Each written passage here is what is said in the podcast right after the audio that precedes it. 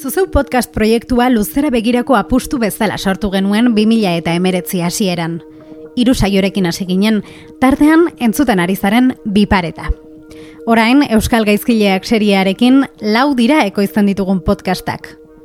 Proiektuak entzuleak ditu oinarrian, eta entzuleek babesten dute proiektua bera. Horregatik sortu dugu Patreon horri aldea. Audiogintza zuri esker egiten dugulako. Patreon horri aldean, iru arpidetza mota topatuko dituzu. Aukeratu egokiena iruditzen zaizuna, zuzeu podcast komunitatera batu, eta proiektua babesteko. Sartu patreon.com barra zuzeupot elbidera. patreon.com barra zuzeupot. Eta arpidetu gure edukietara.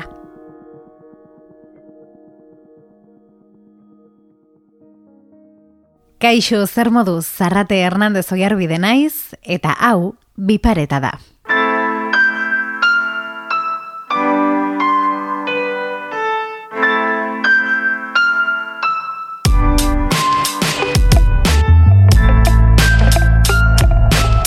Antzerkiak, bueno, e, permititzen duena da galderatik ere abi, abiatzea, ez? Galderak jartzea.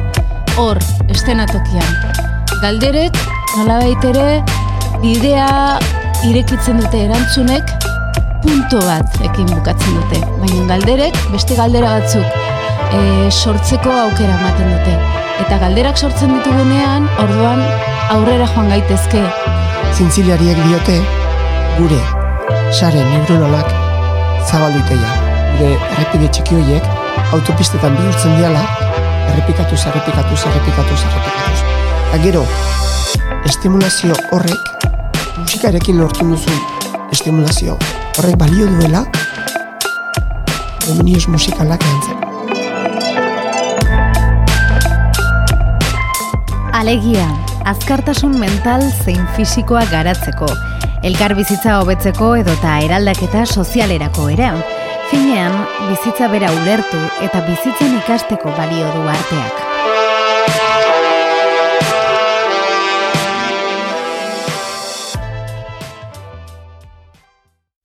Gaur biparetan, artearen onurak. Musikaren eta antzerkiaren inguruko bi esperientzietatik abiatuta erreparatuko diogu arteak gu guztion ganduen eraginari. Eragin positibo bezain ikusezinari, ezpaitiogu merezi duen tokia eskaintzen. Esango nuke gaztetan nire helburu guztiak musikalak ziala, eta indar guztiak hortxe kokatu nitun, musiko famatu bat izateko, baino gero... Xavier Lizaso, piano jole orio darra da. Musikari lotuta egonda beti eta ala jarraitzen du, intuizioari jarraitu diolako. Askori, ameskeria iruditu zaion arren. Pixkanaka, pixkanaka eta kostazitzaidan, begiak zabaltzen hasi nintzen, eta ikusi nun musikak dominioz musikaletan indar handia daukala.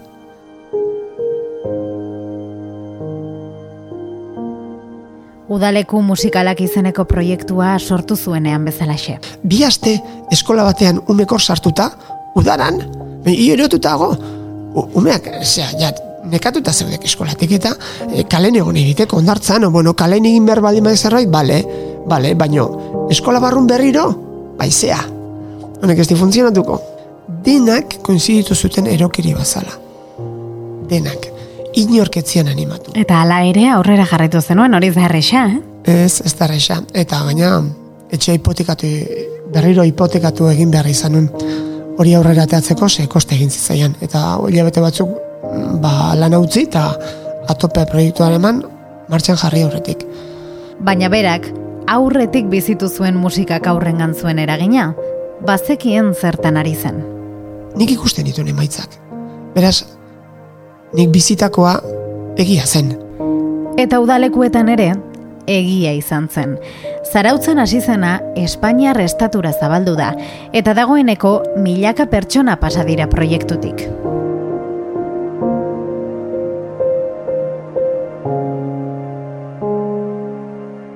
Ester Ruria aktore, ikerlari eta irakaslea da. Berak ere ikusi eta sentitu du bestelako bide batzuk zabaltzen ditugunean, goitik bera alda gaitezkela. Zapalduen antzerkia deritzon adarreko teknika bat erabiltzen du batez ere. Antzerki foruma. Bestearekin harremanetan jartzen gea, e, espazioa babestu batean, baina baita ere, e, taldea ere gure, be, gure guri begira dago. Ordun taldearen begirada ere oso garrantzitsua da. Mhm. Guri ere nola ere feedback bat emateko. Eta haien gandik ere ikasteko, ez Hori da, hori da, orduan, gauza, nolabait ere espazio oso partizipatibo batean sartzen gea, eta nolabait ere elkarrekin esanaiak eraikitzeko aukera bada. E, antzerki foruma edo antzerkiak ematen duen aukera, nolabait ere da espazio edo leku babestu batean, ba, Akatsak egiteko baimenarekin edo esango dugu, Bai. ez? Baimena edo. Bai, bai, bai, bai, bai, akatsak egiteko baimena daukazu. Ensaiatzeko, ba- osea, ensaiatzeko, errepikatzeko, probatzeko e, esparrua da.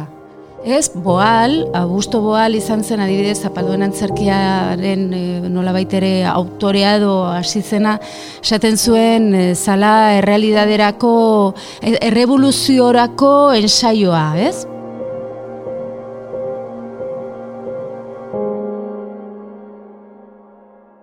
Iraultza txiki eta handiei egin behar baitiegu aurre egunero egunero eta aurretik lantzen baditugu. Hobe. Bizitzan e, egoerak ensaiatzeko aukera gutxi dauzkagu. Gure realitatea ensaiatzeko. Benetazko gertaerak izaten dira entsaioa bera, ez? Bai, hori da. Eta hori da. Eta ja sartzen gea, ba, ba, espektakulo egitea zuzenean, ez? Bizitza ala da. Bizitza e, antzerkia egiten ari gara denbora guztian. Eta segun eta ze testu inguruan zauden, pertsonai ezberdin bat. Zea. Mhm. rol ezberdinak egiten ditugu egoera ezberdinetan. E, komunikazio egoera bat estena bat da. Eta pixka bat e, ariketa egingo bagenu, geure begirada pixka bat kanpotik ikusi, ba, gure bizitza estena, estena jarraitu bezala, ez? E, ikusiko genuke.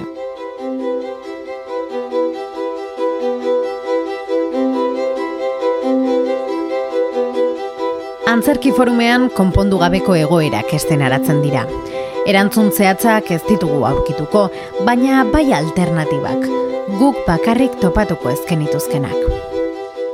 Hau da, anti-eredu bat da, ez? Anti-modelo bat, osea, ez dago bukaera, e, ez dago nolabait ere soluzionatua.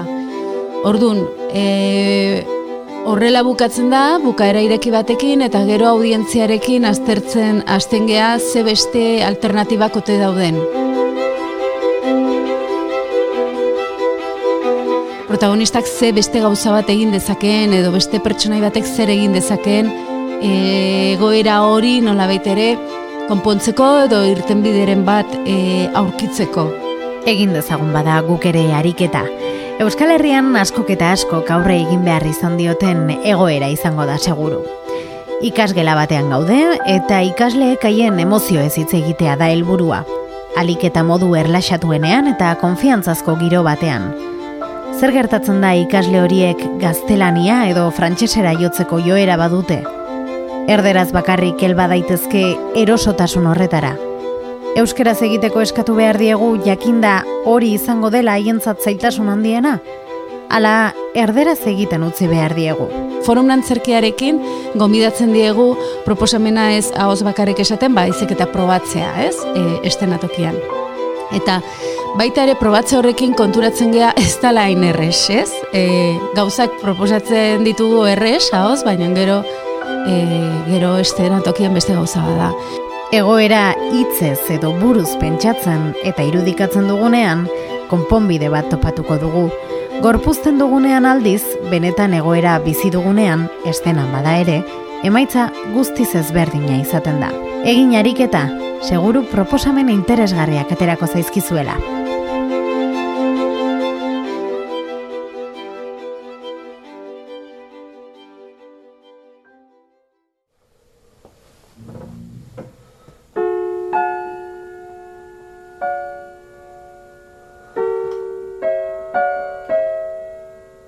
Kantu honek asko erlaxatzen zuen txikitan Xavier.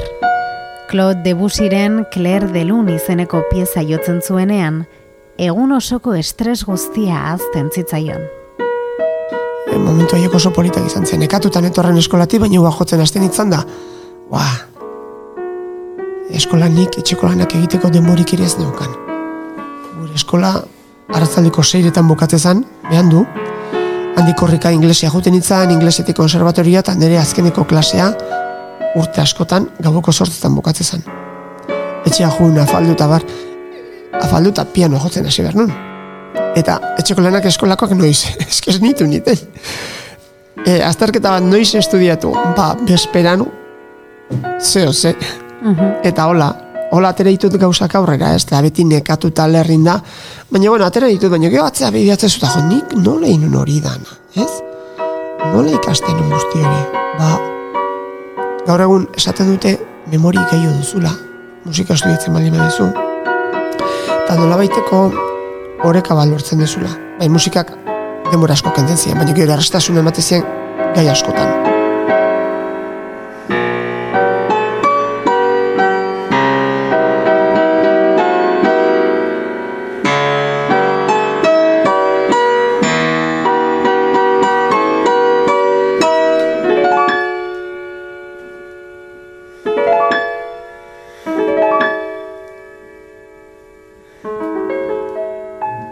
Zer uste duzu eman dizula musikak? Musikak, mm, jo ba gauz asko, eh? Alde batetik osasun fisikoa nik uste eman ditela. E, bestetik espiritualare agien esango nuke, ez dakit hori dan konkretuki, igualitza ez da oso ondo kokatzen, baina bai esango nukela, e, arazo batekin, jo, ondi xamar bat, familikoa laneko etxera azoaz, piano eseri, egunero, i egunero eseritzen ez pianon, azten eiz igual Chopin, Ravel, Bach jotzen, eta momentu ditan junitezea, ez? Arazoiek junitea hori asko da. E, gaur egun kontuatzen ez, hortan sekulako suertea daukatela. Zer nola baite, irten bide bat badaukat, eskape bat, terapia bada, niretzako, eta behar dut, bizitzeko.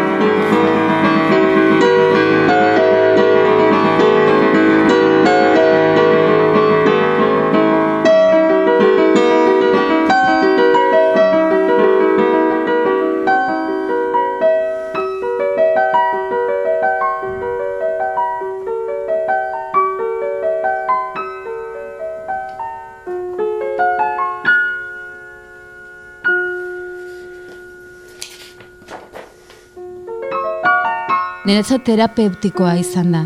Ze pertsona oso timidoa nintzen, e, oso barruko ja, enitzan ausartzen beste pertsona bat ikutzea, benetan oso e, desteiken erlazionatzeko nahiko arazoak nauzkan. Aurra zinela. E, ba, ne, aurra, bueno, aurra nitzela, eta nerabe gehiago pixka bat irekitzen hasi nintzen kirolari esker. Aha. Baina, bueno, ba, ba, erlazionatzea kostatzen ditzaidan, orduan, baina, ba, naukan antzerkia hau paradogikoa dirudi, baina hau gertatzen da, eta hau ikusi dut ere erabeetan. Timidoenak dienak, alako irriki batekin ikusi diet eh, antzesten, osea, derrepente aldaketa bat, pertsonai baten bidez, pertsonaiak babesa ematen duelako. Eta orduan zu pertsonaian sartzen zea, eta horrela babestuta naiz eta timidoa izan, ba, horren babesakin, ba, Beste e, espresatzen maskara bat, beste Bai. gorputz bat hartzen Bai, duzu bapatean, ez? Antzerkia edo musika modu batean zein bestean lantzeak zauriak sendatzen ditu. Emaitza positibo eta agerikoak izaten ditu. Zenbaitetan, harrigarriak.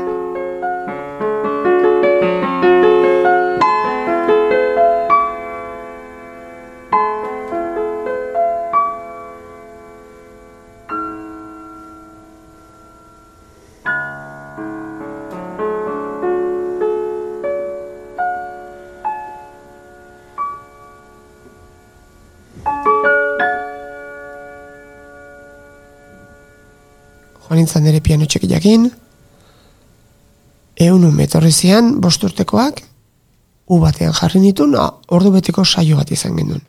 Jolas desberdinak landu nituen ume hauekin, eta azkeneko jokoa izan zen, pajelberen kanona entzutea, begiak itxita, eta bukatzen zenean, nahi zuen guztiak, kontatzea, sentitu edo amestu zuena.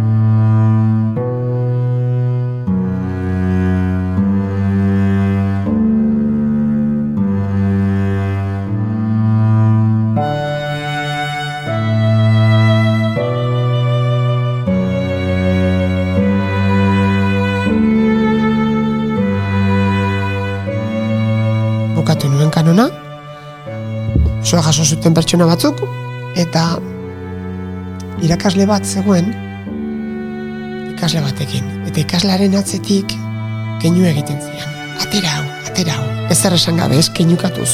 Atera hau, atera. Eta nik ikusten nuen irakaslea, ez? Ole indarrakin keinukatzen aizia, aizitza idala. Eta pentsatu nuen, ba, bukaera erakutziko ditu me hau. Eta, izaten nien bestu me bate, a ber, zatoz, Eta eseritzen nuen nire aldamenean, zer sentitu duzu musika honekin? Ah, bueno, ba, mendira jungea lagun batzukin da jolasten hazigia, eta ondo duen pasa eta hola. Gero beste bat ateatzen dago, irakaslea, giote indar gehiagokin. Keinu, atera zakago. eta, alako baten, bueno, venga, zatoz ba.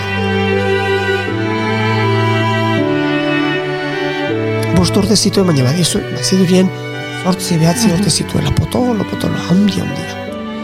Eta, bueno, kontatu zigun, xume-xume, amgakien amestu zuela, pixka lagundu nion, eta hortxe bukatu genuen emanaldia, dena zuti jartzen hasi ginen, geletara bueltatzeko, haiek eta ni etxera joateko, eta irakasleak malkotan.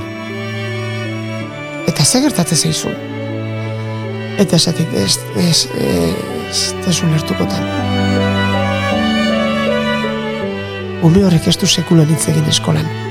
Lehenengo aldia da, bere abotza entzuten dugu.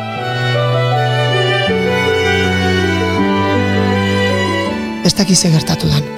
Horretik esaten izun ateatzeko, bere besoa jaso duenean, ezin nuen sinistu. Horretik indarrakin esaten izun ateratzeko, eta ateratzeko, eta ateratzeko. Olako mutismo selektiboa daukaten umeak, lau aldiz gertatu zaita. Zer dauka kontestu horrek? Bapatean, alako blokeo handia daukan pertsona batek, alde batera be- bere blokeo guzti hori usteko, eta egun pertsonen aurrean, betiko lagunen aurrean da betiko irakaslen aurrean, lehen da beziko aldiz, ez egiten hasteko.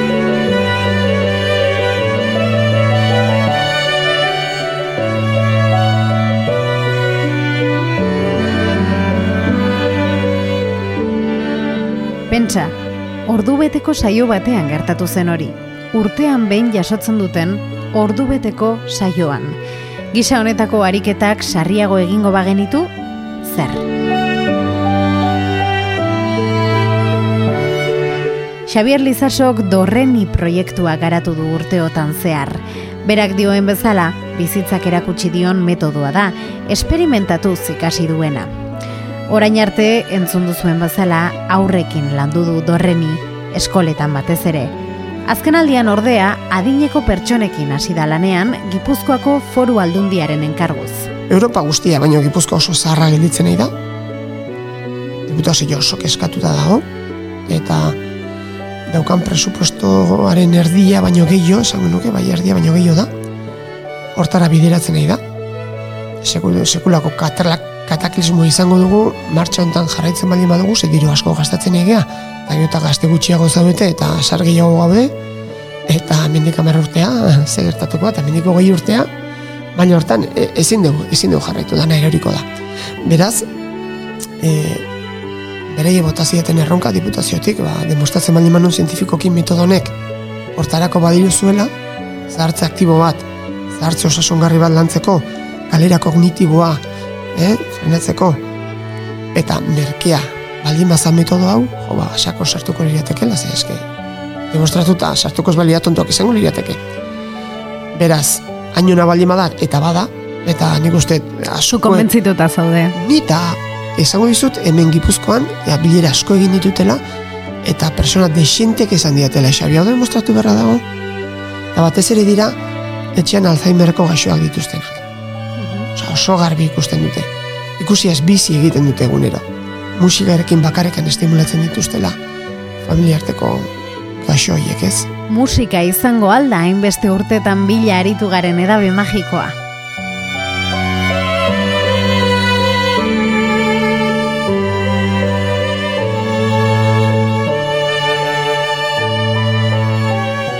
Eta egia esan jo, fijatu zaitez benitu lertxundia baten.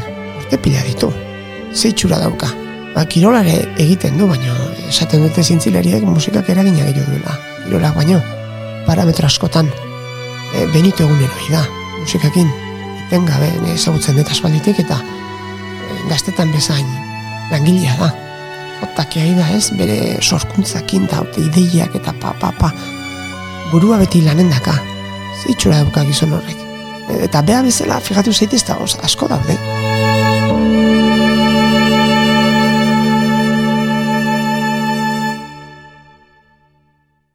Eta antzerkiarekin beste hainbeste. Antzerkia tresna pedagogiko gisa ere landu daitekela aztertu du esterrek. Eta horretan diartu. Nik uste zerbait egin beharrekoa dela, gaudela egiten mugimendu bat e, e, badagoela, e, e, orain. Zer aldarrikatzen duzu, eh?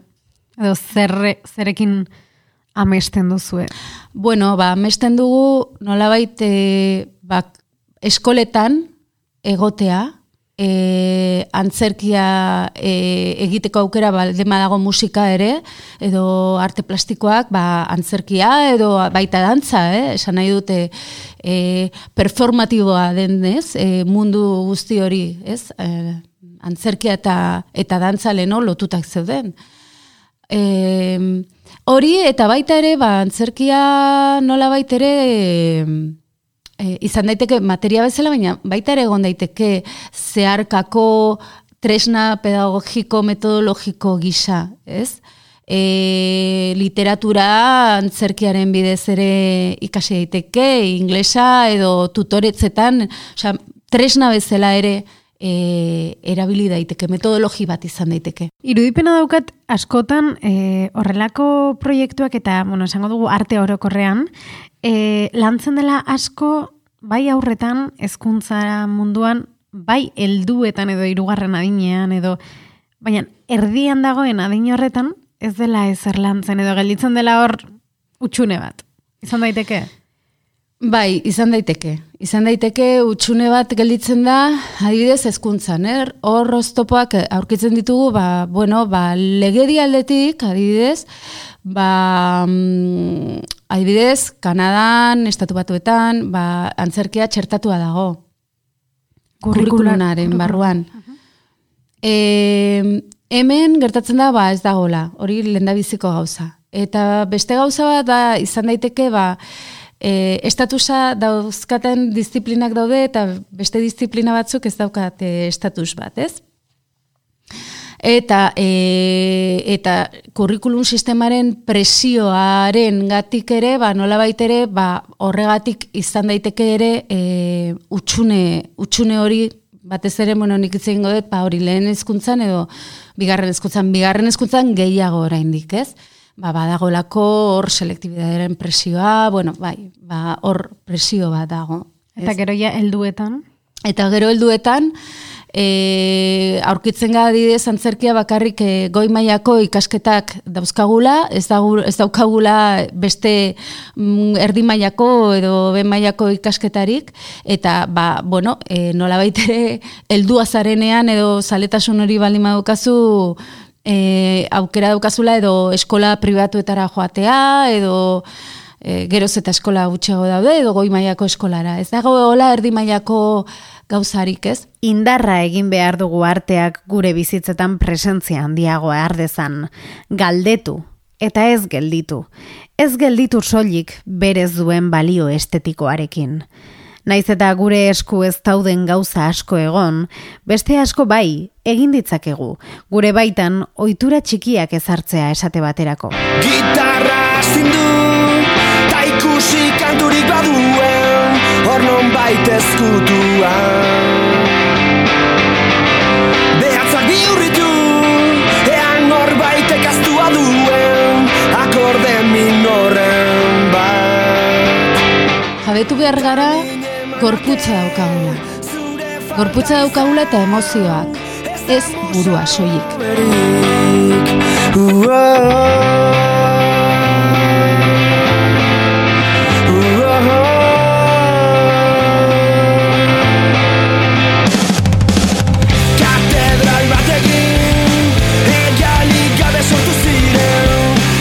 Kantatzea. Kantatzea adibidez.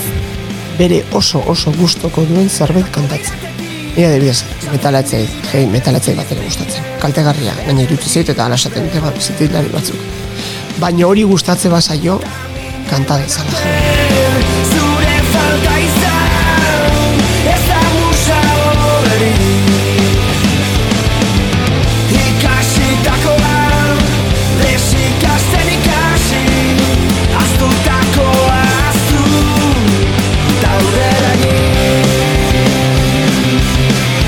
Eta bestela ere, eh, ez dakit, sukaldean aritu bitartean musika entzun.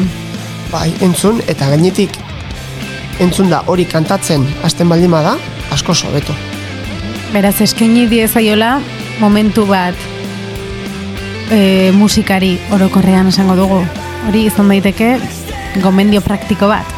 Hotxean kantatzen bat, eh? Kotxean ere bai. Bai, bakar bakarri zoazenean jarri zure gustoko zerbait eta gainetik kantatu eta disfrutatu atope.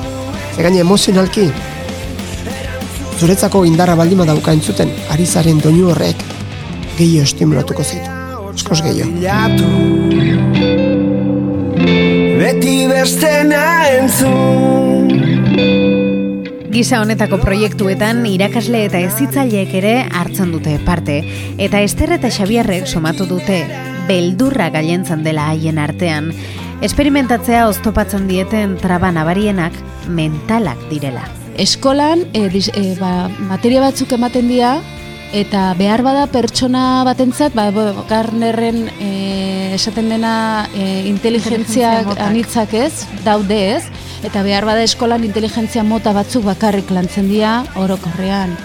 Orduan, em, noski, e, pertsona bat igual ez da ona ba, materia horietan, baina nola ere beste bide bat erakusten badiozu, beste esparru bat irikitzen badiozu, bueno, ba, derrepente, ba, Ona ba, ona da. Eta hor piztu egiten da, energia jartzen du, ardura erakusten du, implikazioa, zeharkako kompetentzi guzti horiekin, ba, esparru egokian dagoelako. Be, o bere, e, nolabait ere egokiagoa sentitzen den esparru orduan, bai, irakasleek esan dute jo, ba, nik enekien pertsona hau horrela zenik,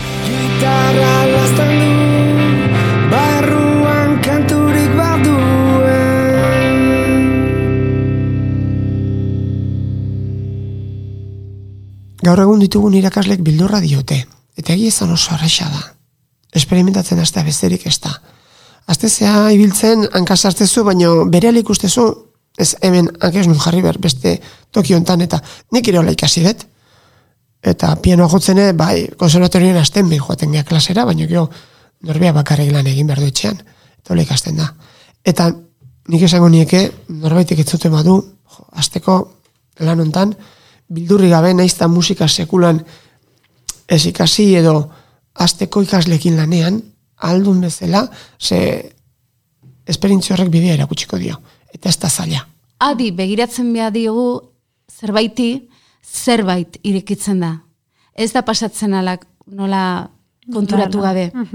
Eta, ba, bueno, e, empatia, altruismoa eta solidaridadea nola baitere sustatzeko posibilidadea ematen digu zerbaiti adi begiratzen diogunean, ez? Eta uste dut hori e, garrantzizkoa dela, ez?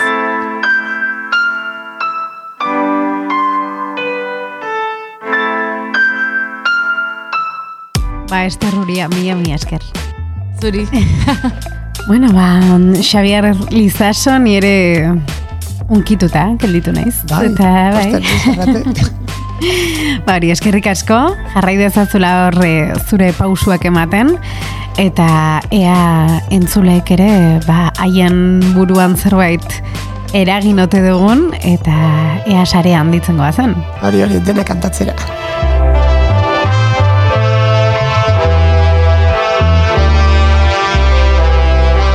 Eskerrik asko zuri ere entzule, urrengoan gehiago. Besarka da estu estu bat, eta datorren astera arte.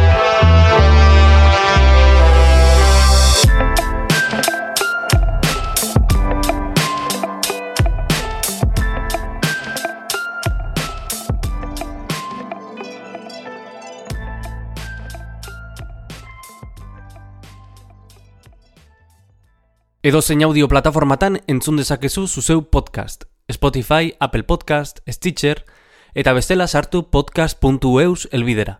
Hori da, podcast.eus. Eta bertan topatuko dituzu ekoizten ditugun saio guztiak.